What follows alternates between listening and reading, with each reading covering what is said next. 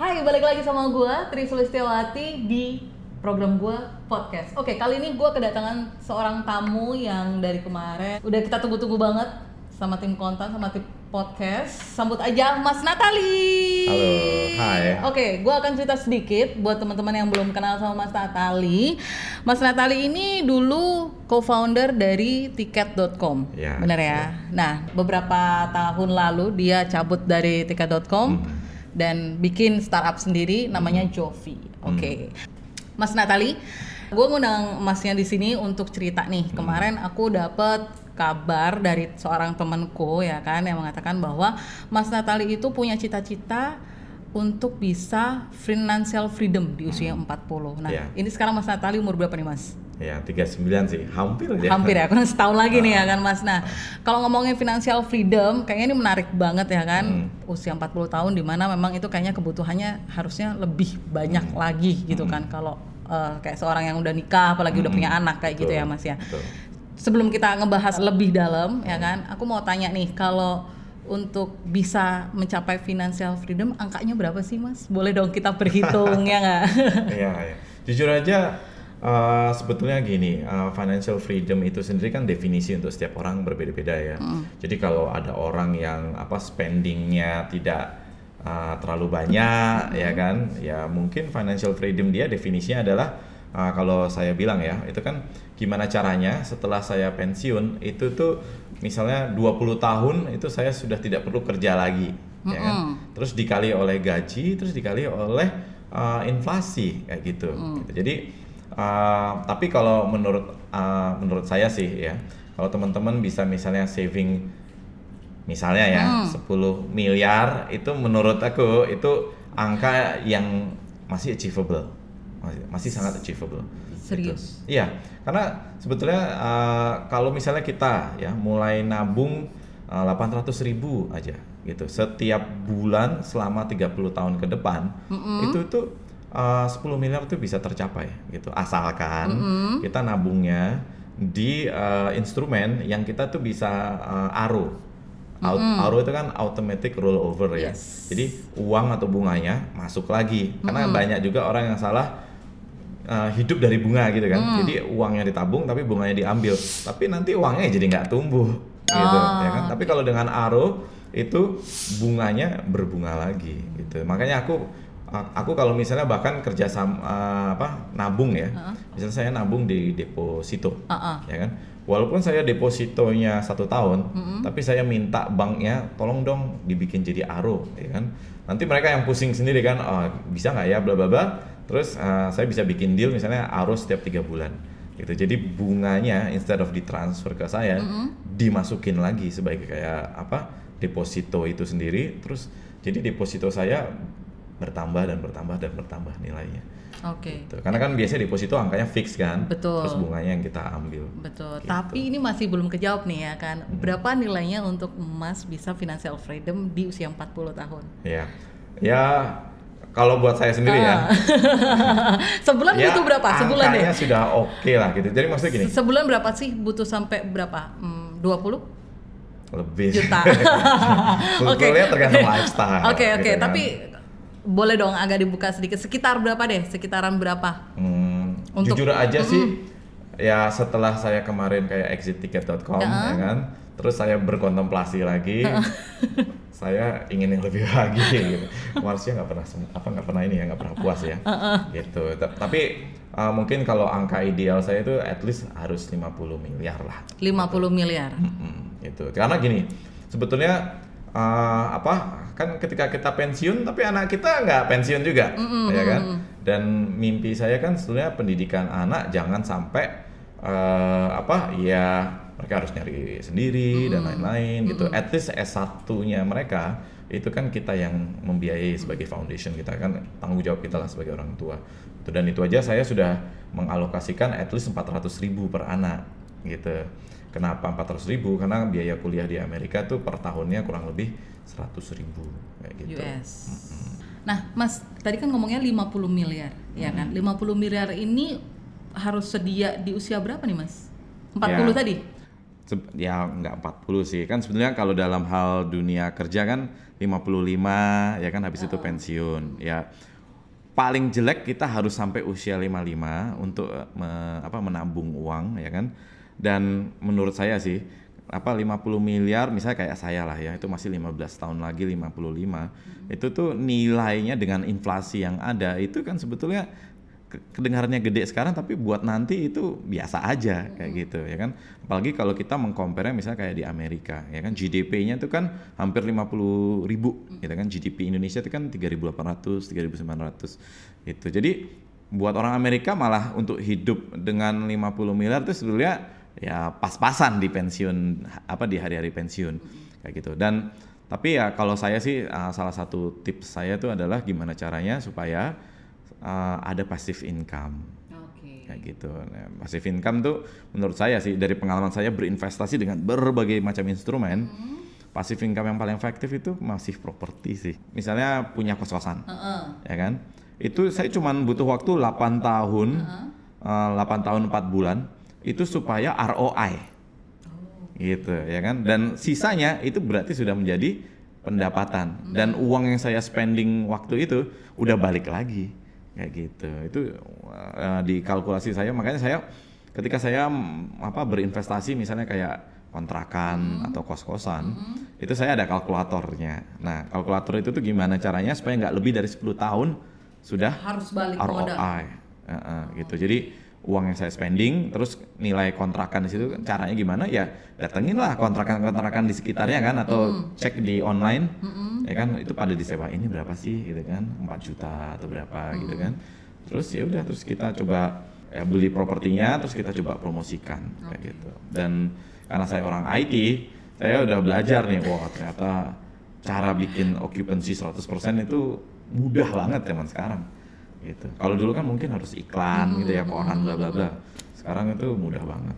Berarti semuanya serba canggih nih karena orang IT. Oh iya. Gimana? Iya pakai teknologi lah untuk ini. Bikin. Jadi jadi benar-benar kita tuh bahkan orang kos-kosannya misalnya keluar, kita nggak perlu secara fisik harus membersihin kamarnya. Ini kayaknya canggih banget nih kayaknya kos-kosannya Iya, nih. Kayaknya karena- ada aplikasinya enggak, nih. Partnernya. Oke. Ya, partner partner yang kita apa eh, ajak kerjasama itu yang yang ngurusin buat kita. Oh, gitu. nah eh, sejak kapan gitu Masnya mulai kepikiran bahwa gue harus jadi orang yang financial freedom nih gitu kan? Se dan kenapa gitu? Apa yang membuat Mas punya dorongan seperti itu gitu? Ya, jujur aja kalau dulu masa-masa apa baru menikah gitu kan. Umur berapa Hmm, dong nggak- nikahnya? 25 sih. Ih, saya. udah banget gue Ah, ah. pikir Nah, ya. Jadi tapi dulu sih nggak mikirnya bahasanya financial freedom lah ya. Tapi gimana caranya supaya uh, apa pun yang kita spending itu ada benefitnya. Oke. Contoh nih, ya kan? Waktu saya apa uh, menikah itu prinsip kita adalah jangan sampai uang yang kita spending nantinya itu menguap. Jadi Oke. makanya waktu kita menikah itu kita nggak mau kontrakan.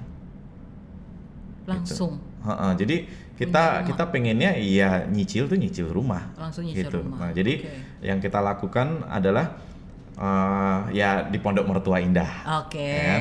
Terus kita sambil nyari rumah yang cocok gitu kan. Begitu ada tante rumahnya lagi kebetulan kosong, boleh dong nebeng gitu kan. Sambil kita ngumpulin uang DP itu, ya kan. Nah, begitu apa? Begitu kita nemu rumah tapi terus uang kita kurang ya kita minjem-minjem soft loan lah. Ya kan, baik ke teman-teman atau ke orang tua kayak gitu kan. Nah, untuk mengcover DP terus habis itu kita nyicil. Nah, keuntungannya apa sih, Mbak? Contoh ini.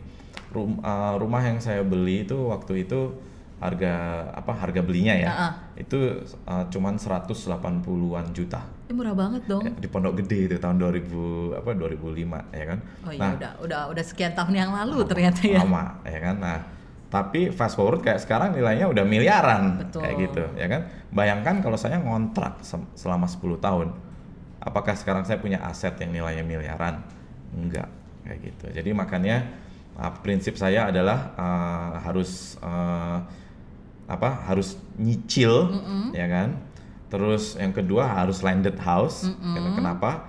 Karena kan uh, hak guna bahan apa hak guna bangunan itu kan maksimum 30 tahun habis itu itu kita udah kehilangan haknya Mm-mm. ya kan? Ya kecuali kita coba extend extend tapi pasti ada certain limit ya kan? Dan mungkin takutnya anak-anak jadi nggak ada manfaatnya buat mereka kan? Ketika kita sudah tidak menggunakannya lagi.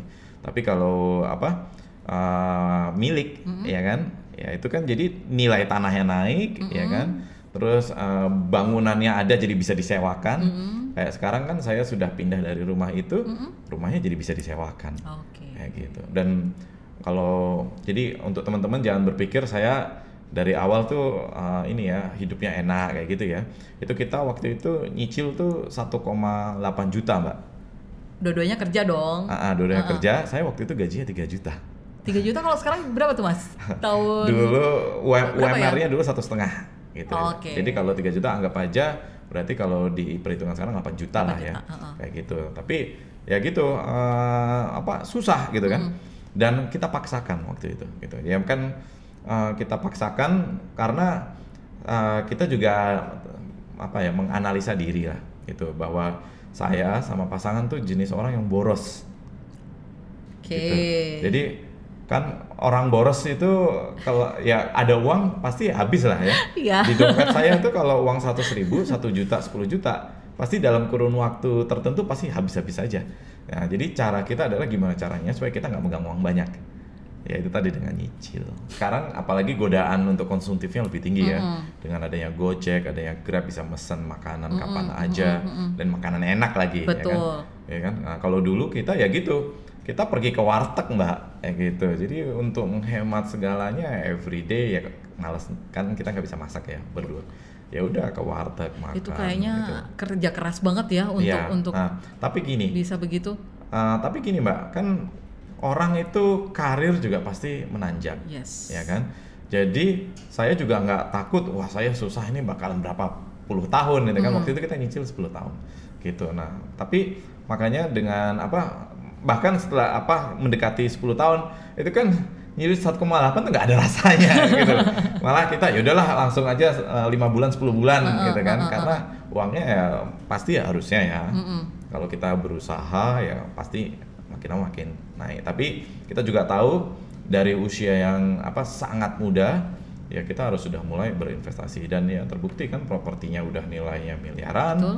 dan kita bisa kontrakin juga gitu kan. Dan ya kita apa kita bisa menaikkan level kita gitu bahkan kan mungkin properti itu bisa diagunkan juga Yes. untuk kita ke hal-hal apa lain misalnya properti yang lebih besar lagi gitu. Anyway, itu berarti yang memang sadar sadar untuk melakukan investasi, sadar untuk uh, mulai berbenah terkait dengan keuangan gitu kan untuk untuk mendapat kehidupan yang jauh lebih baik ya ke depannya. Itu memang dari emasnya atau memang dari pasangannya nih? Oh, ya. Atau dari keduanya karena Iya. memang punya habit yang sama Memang. gitu. Jadi kita berdua itu jenis orang yang apa ori, gitu. Ori. ogarogi, garogi. Kayak ogarogi gitu kan. Jadi kita memang tahu kontrakan itu tuh kayak buang-buang uang, Oh, ya kan? Oke. Ya nggak, karena propertinya kita nggak punya. Setelah satu tahun, ya basically uang kita aja yang hilang, tapi kita apa ya memang dapatnya ya Begitu tinggal aja. di tempat itu kan selama setahun. Tapi kan kalau kita nyicil, ya kan, ya itu kan basically kita kayak menabung sebetulnya. Jadi uang yang kita spending, walaupun jujur aja memang uh, kita waktu itu kan nabungnya syariah, ya kan, syariah itu kan keuntungannya bunga nggak fluktuatif. Yes. selamanya akan sama kan? Tapi bunganya gede banget pak waktu itu kita bunganya 17% gitu. Jadi kita tuh kayak bayar Itu- nilai rumahnya itu dua setengah kali lipat gitu kan? Tapi kalau dipikir sekarang walaupun kita bayar dua setengah kali lipat tapi nilai rumahnya sendiri itu udah hampir 6 sampai tujuh kali lipat gitu. Hmm, Ya kan? jadi jadi kita melihat itu ya masih menguntungkan sekali apalagi zaman sekarang ya Hmm. bunga properti 5% doang 6% kayak gitu Tapi sekarang berarti angka 50 udah tercapai nih.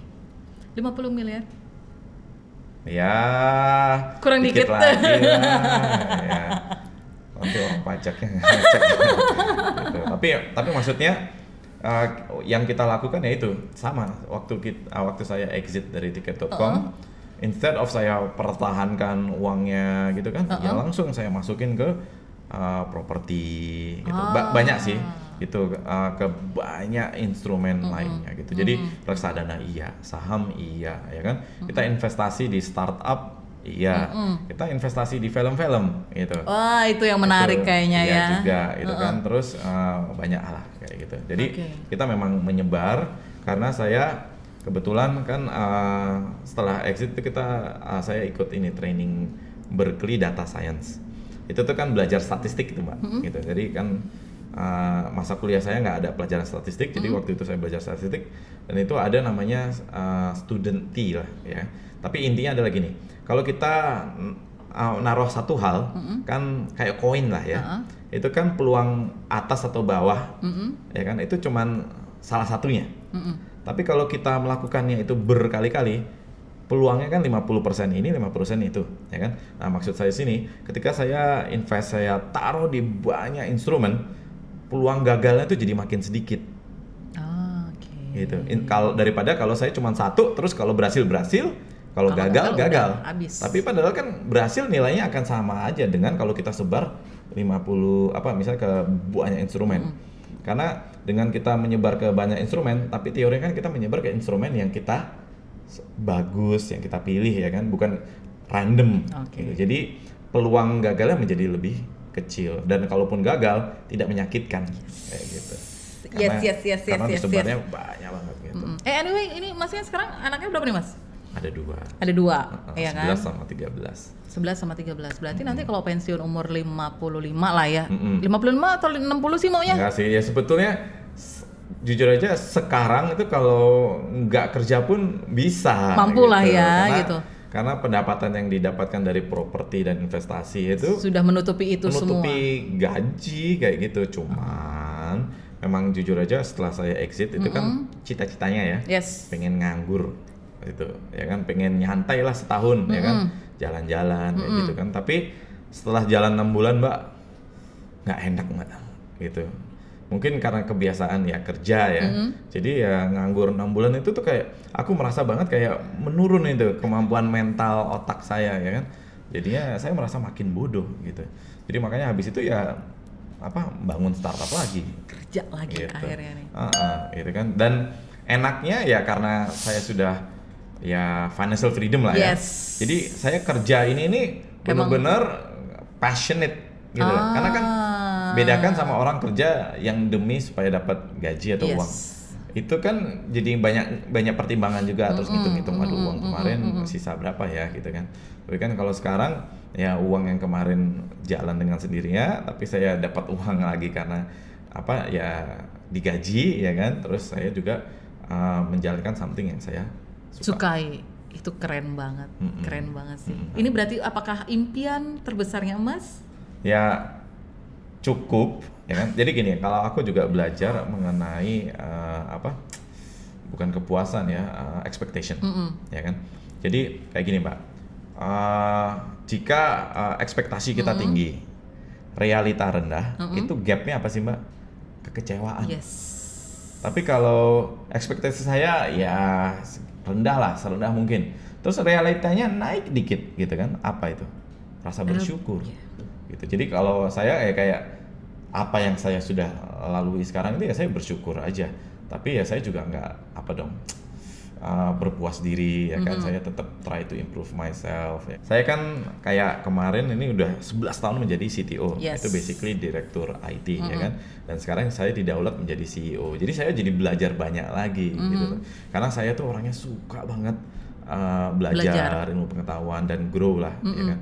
Karena uh, apa saya punya buku nih namanya In the Mind of Natalia Ardianto. Yes. Ya isinya itu tentang mindset ya kan tentang becoming 110% of who you are kayak gitu. Jadi I really love to grow myself gitu. Oke, menginspirasi sekali. Mm. Seneng banget bisa ngobrol sama Mas Natali hari ini. Ya. Cuman eh, sebenarnya obrolan ini belum selesai Mas, Eh, karena banyak hal yang mau gue kulik lagi. Oh, iya, Gimana iya. sih caranya Mas ya kan? Ah, gue ah. masih penasaran nih, ngumpulin du- duit 50 miliar itu. Ah. Kalau menurut gue itu gede banget mas, tapi buat mas kayaknya segampang itu. Nanti kita akan sharing. Untuk eh, ngomongin gimana sih caranya. Buat teman-teman jangan lupa untuk komentar, sebarkan dan subscribe. Ketemu lagi minggu depan. Bye.